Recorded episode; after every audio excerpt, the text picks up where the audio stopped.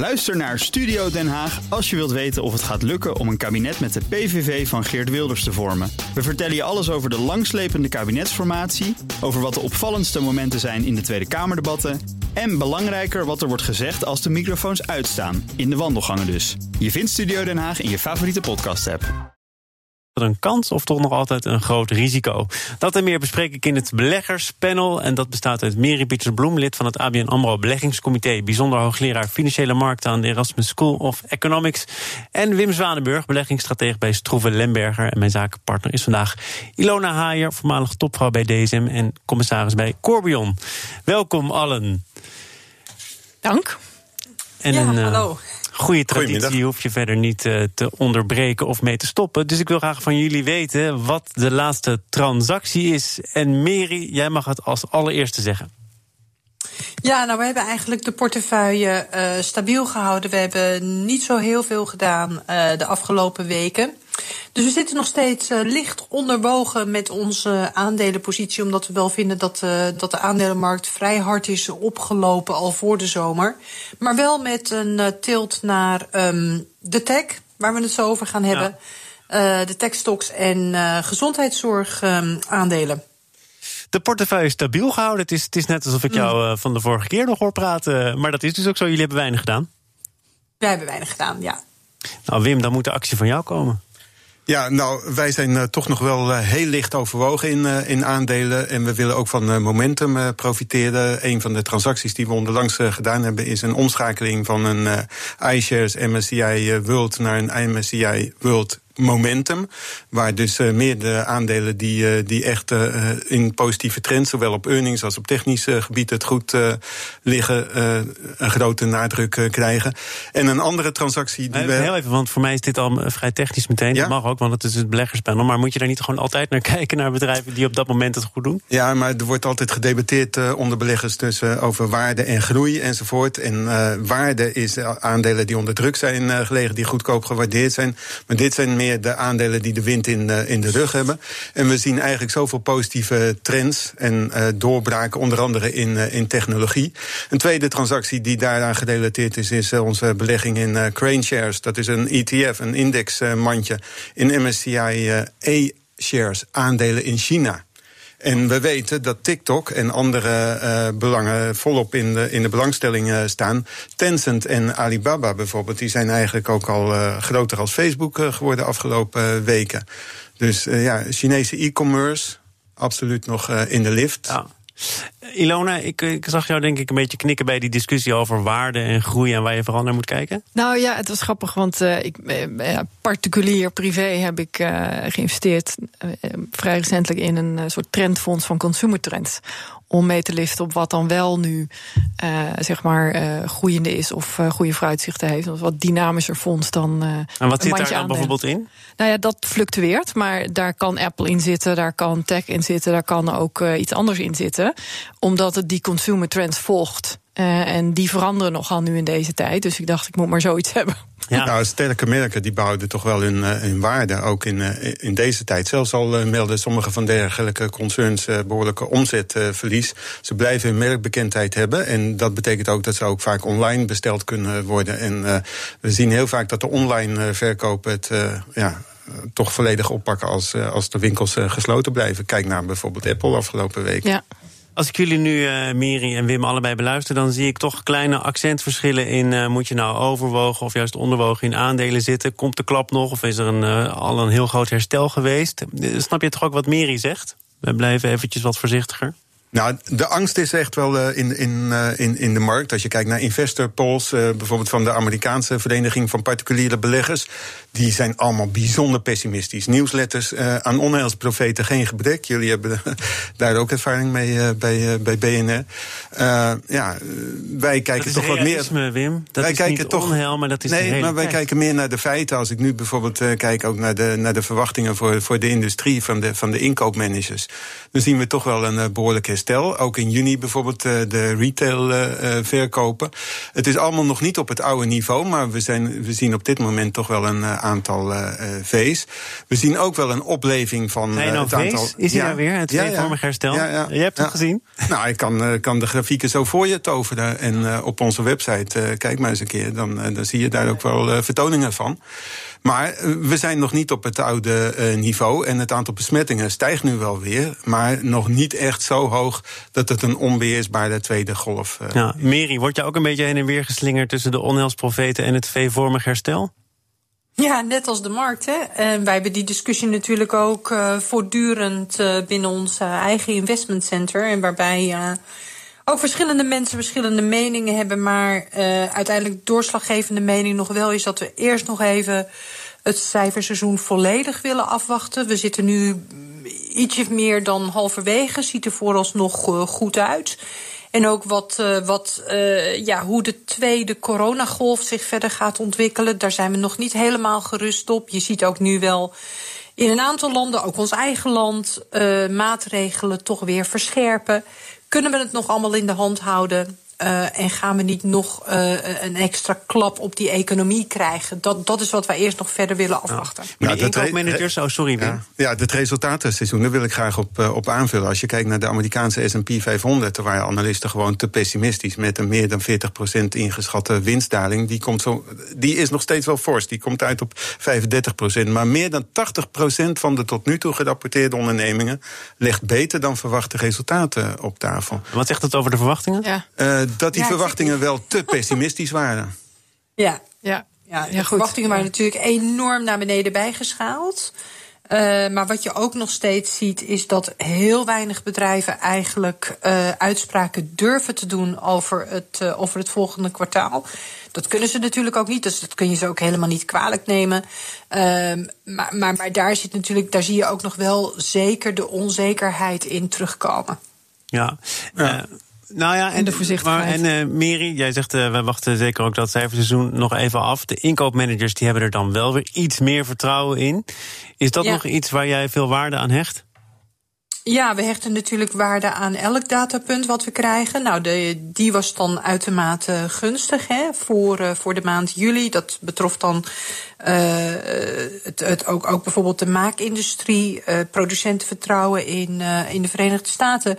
Maar we zagen bijvoorbeeld vorige week weer een uitermate tegenvallend cijfer ten aanzien van de groei. Dus het, is, het ene cijfer is goed, het andere cijfer is heel slecht. Vrijdag krijgen we het banenrapport de verwachtingen daarvoor zijn zeer gematigd.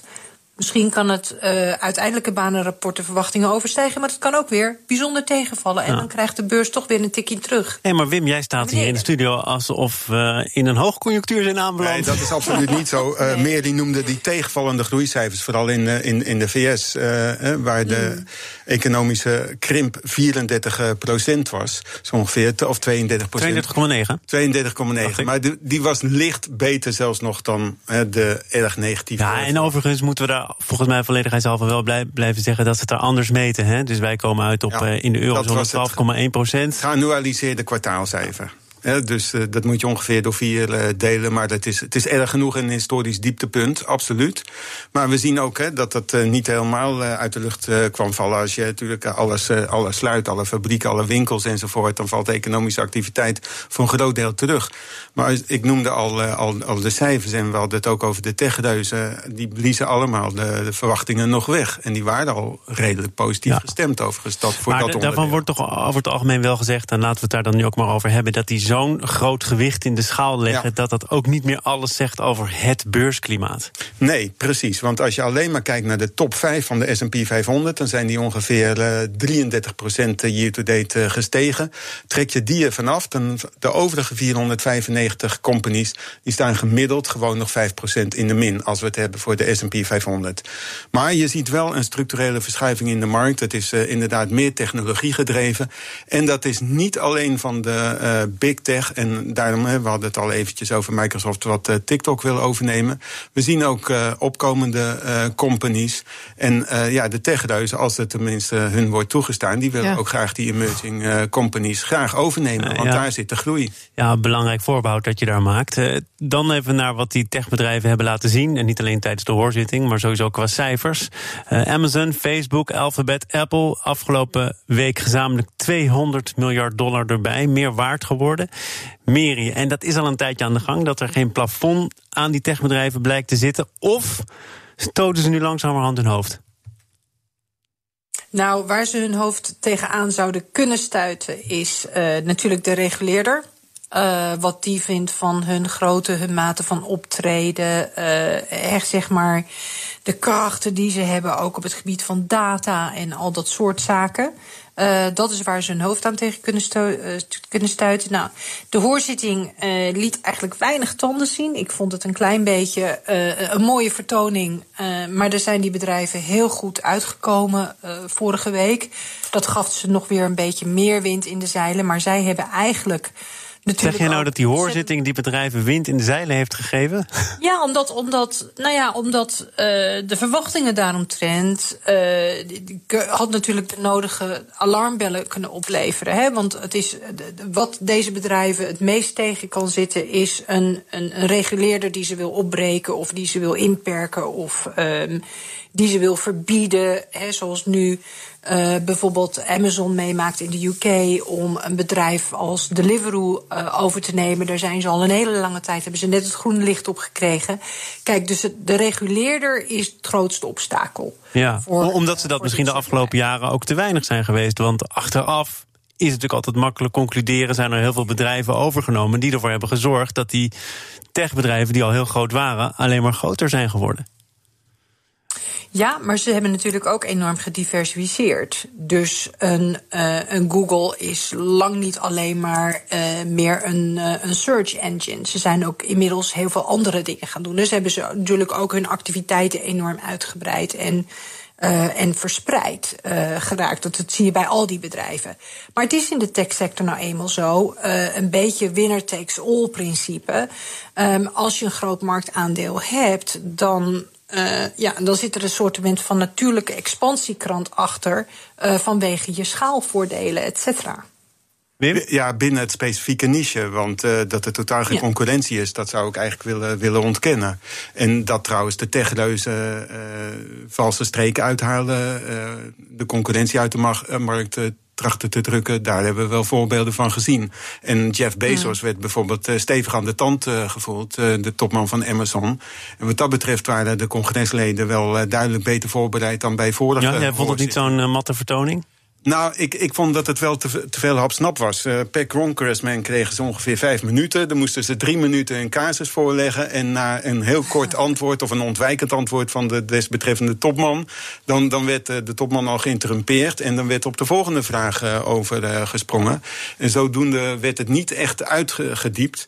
Maar ik denk wel, wat spannender wordt, is dat rapport... waar ik meen eind volgende maand die, die topman van, van de hoorzitting van de, van de commissie Salini mee, eh, mee, mee komt.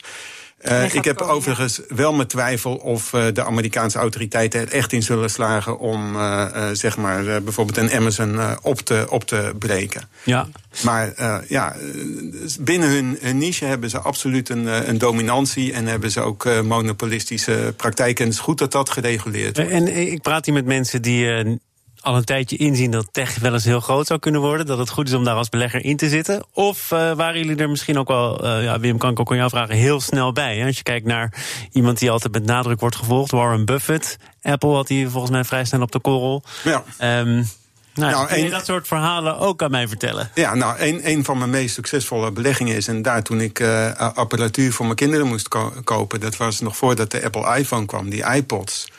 Uh, die kocht ik voor mezelf en voor mijn drie kinderen. En uh, datzelfde bedrag heb ik uh, toen ook gelijk belegd in aandelen Apple. En dat is vele malen over de kop ja, gegaan. Ja, dat is echt hele vele malen over de kop gegaan, denk ik. Ja. ja. Miri, waren jullie er ook snel bij? Qua tech? Ja, uh, wel qua sectoroverweging uh, inderdaad. Ik kan me ook nog wel herinneren dat zo'n beetje jaar, anderhalf jaar geleden, toen vonden we het opeens wel heel erg hard gaan. Toen zijn we weer naar de neutrale weging gegaan. Maar dat was maar tijdelijk, omdat we ook wel heel snel erkenden dat het ja. Weet je, die bedrijven hebben gewoon heel veel dingen mee. Uh, ze hebben de tijd mee, ze hebben de schaal mee. Um, ja. En dan, uh, de, de, het lijkt inderdaad, als je kijkt naar uh, prijs, omzetverhoudingen dat het volledig uit de band vliegt. Maar als je dan kijkt naar de trends in de maatschappij en dergelijke... en die er tegenaan hangt, dan moet je dat wel in een ander licht zien. Maar waarom hebben jullie dan ooit gedacht... dit gaat ons te snel, dit kan niet goed blijven gaan? Ja, Uh, nou, dat was op een moment dat uh, het beursklimaat ook uh, ontzettend haperde. En juist deze bedrijven wel doorbleven stijgen. Dat we dachten van nou, nu gaat het wel heel, heel erg hard. Dus toen hebben we wat gas teruggenomen op deze, op deze specifieke sector. Maar we zijn toch ook um, ja, eind vorig jaar volgens mij wel weer overwogen gegaan. Ik ga met jullie naar een ander onderwerp. Ook belangrijk. Ja. Zaken doen. Thomas van Zeil. En dat doe ik samen met het beleggerspanel. Daarin zit Mary Pieters-Bloem, lid van het ABN AMRO Beleggingscomité... bijzonder hoogleraar Financiële Markten aan de Erasmus School of Economics... en Wim Zwanenburg, beleggingsstratege bij Stroeven Lemberger. En al een tijdje zit hij ook in Apple. Niet onbelangrijk om uh, te vermelden. en mijn zakenpartner is uh, Ilona Haier, voormalig topvrouw bij DSM... nu commissaris bij Corbion. Ik wil het uh, met jullie hebben over demografie... want de komende jaren zal de bevolking in onder andere Afrika... in omvang blijven groeien... terwijl die van andere landen, zoals China, maar ook Italië... behoorlijk vergrijst... RTL schreef daar eerder deze week een stuk over. Demografische ontwikkelingen in relatie tot beleggen. Vond ik een interessant onderwerp. Mary, uh, vinden jullie dat bij ABN AMRO ook? Ja, en demografie is ook een van onze thema's uh, geweest... wat we uh, richting onze klanten hebben gebracht. Een belangrijk thema. Um, want ja, het is een hele belangrijke drijver zeg maar, van je uh, economische groeivooruitzichten. Dus dat klopt. Ja, kun je dat kort uitleggen uh, voor de mensen die denken: ja, een uh, bevolking groeit of een bevolking dat? krimpt? En waarom is dat belangrijk ook als je kijkt naar waar je wel of niet in belegt? Ja, omdat eigenlijk economische groei wordt bepaald door drie factoren. dat is de factor arbeid en de factor kapitaal. En daar zet je een productiviteitsfactor uh, op. Hè? Dus uh, de factor arbeid houdt uh, onmiddellijk een relatie met demografie. Dus als je arbeidsbevolking toeneemt, dan neemt dus ook je groeipotentieel toe. En vandaar dat dus de, de demografische ontwikkeling is belangrijk, maar is dus niet ook het enige um, wat je groeivooruitzichten bepaalt. Bepaal, wat ook bepalend is, is hoeveelheid kapitaal uh, die dus uh, naast uh, of met de arbeid wordt, samen wordt ingezet. En met name ook de productiviteitsontwikkeling. Ja, dus je moet het potentieel ook nog wel volledig kunnen benutten. Juist. Daar komt het op neer. En, en als je dan kijkt naar uh, gebieden die ook in dat artikel voorbij komen, bijvoorbeeld India, bijvoorbeeld Afrika, dan is dat Wim natuurlijk wel ver van huis met de nodige risico's. Wat zijn de grootste risico's?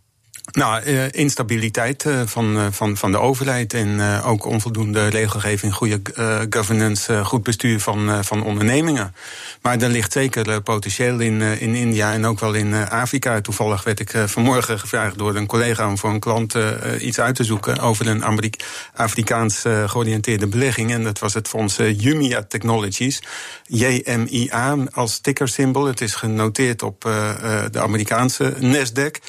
Uh, en ja, die lieten onlangs een koersstijging zien van vele tientallen procent, omdat het ook op uh, e-shopping, e-commerce uh, gebied actief is. En zelfs in Afrika, waar natuurlijk toch ook een middenklasse aan het ontstaan is, ook in landen als Kenia enzovoort. Maar ik moet zeggen, de frontier market. Vraag, hè? Al die middenklasse bij al die, bij al, in al die grote landen, dat, dat, dat vereist ook een bepaalde economische groei. Dat zie je in China natuurlijk op grote schaal nu gebeuren. Ja. Je moet een bepaald tempo in die economie kunnen garanderen om ervoor te zorgen dat die middenklasse ook ontstaat. Nou, en wat dat betreft heb ik toch nog meer vertrouwen in, eh, in China voorlopig, ondanks alle bezwaarde kanttekeningen die je daar over het eh, bestuur ook kan maken en over het autoritaire bewind. Maar het, het staatskapitalisme floreert daar wel. En de centraal geleide economie, staatskapitalisme, dat, dat, biedt daar nog volop kansen. Er worden heel veel mensen over de armoedegrenzen heen getrokken. En wat dat betreft heeft ook, ook binnen Azië is die diversiteit er nog. Blijft toch China wel leidend qua omvang van de markt. Ook ten opzichte van van, van India. En zeker China vergrijst toch ook als we het toch over demografische ontwikkeling Ja, maar dat is, zo'n lang, dat nou is het punt met die demografische trends. Die zijn zo op de lange termijn. En in de tussentijd gebeurt er heel veel op gebied van technologie. Er zijn toch ook beleggers die een beetje op de lange termijn zitten? En ouderen hebben veel te besteden vaak. Eh, meer dan, uh, dan jongeren. Dus wat dat betreft uh, moet je ook die doelgroep niet uit het oog verliezen. Mary, hoe kijk jij naar die, die middenklasse in dit soort opkomende economieën? Is dat, is dat stevig genoeg? Ja, dat is heel belangrijk. en dat is ook een beetje het verhaal van, van China. Kijk, China is nu natuurlijk. Um, uh, een omslag aan het maken van een, uh, ja, een goedkope producentenland van hele goedkope spulletjes naar een, um, een productieland voor high-tech. Maar het is ook een omslag aan het maken in zo'n ontwikkeling. Um, dat die middenklasse dus nu heel sterk opkomt. En dat is heel belangrijk voor een economie, omdat die middenklasse, dat, daar, daar zit natuurlijk niet alleen het arbeidspotentieel, maar daar zit ook het bestedingspotentieel. En uh, ik ben het wat dat betreft um, uh, wel eens uh, dat, dat, dat, dat, dat eigenlijk China in een andere fase zit. En ik daar wel meer vertrouwen in heb dan zeg maar die Afrikaanse landen die dan een enorme bevolkingsgroeipotentieel hebben, maar waar nog veel meer onzekerheden spelen ten aanzien van die specifieke ontwikkeling.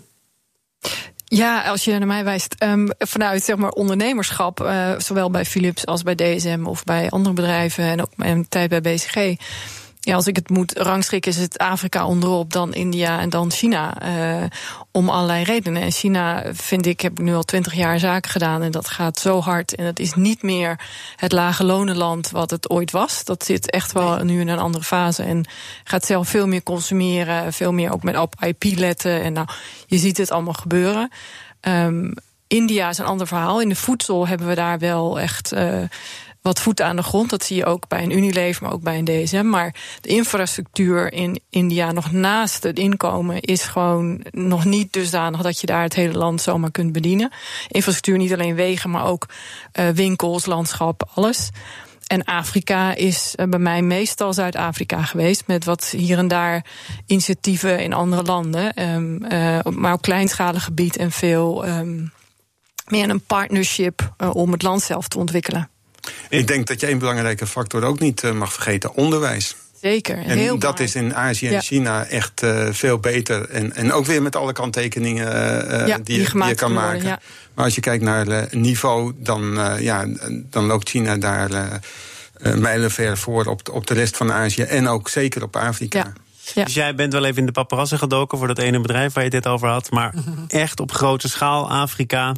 Er, zitten, er zijn pareltjes. Hè? Eh, als je bijvoorbeeld ook kijkt naar fintechs, betalingsinfrastructuur enzovoort. Daar kan Afrika hele grote stappen in maken. Want de verspreiding van de mobiele telefoons en dergelijke. die is ook in Afrika heel erg uh, snel. En uh, die jonge bevolking is leergierig. ziet ook veel, neemt ook heel snel westerse trends over. Dus op individueel gebied kan je af en toe uh, daar uh, goed terecht. Maar ja, multinationals zijn ook actief in, uh, in Afrika.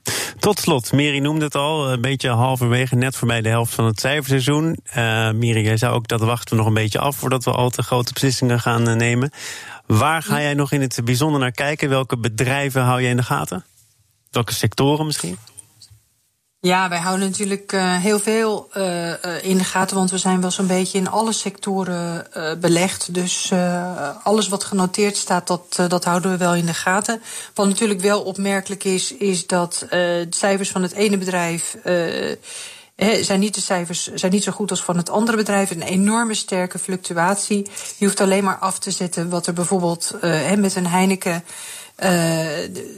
tegenvallend en een PostNL. Ja uh, wat heel erg meeviel. Uh, en, en die mate van uh, volatiliteit, die zie je over de, over de gehele beurslinie eigenlijk wel terug. Wim. Nou, waar ik nog naar, kijk is uh, van, vanavond uh, naar beurs uh, de cijfers van, van Disney. En Disney zit wel in de hoek waar de klappen vallen. Hè, met de themaparken, met ook hun televisiezender ABC.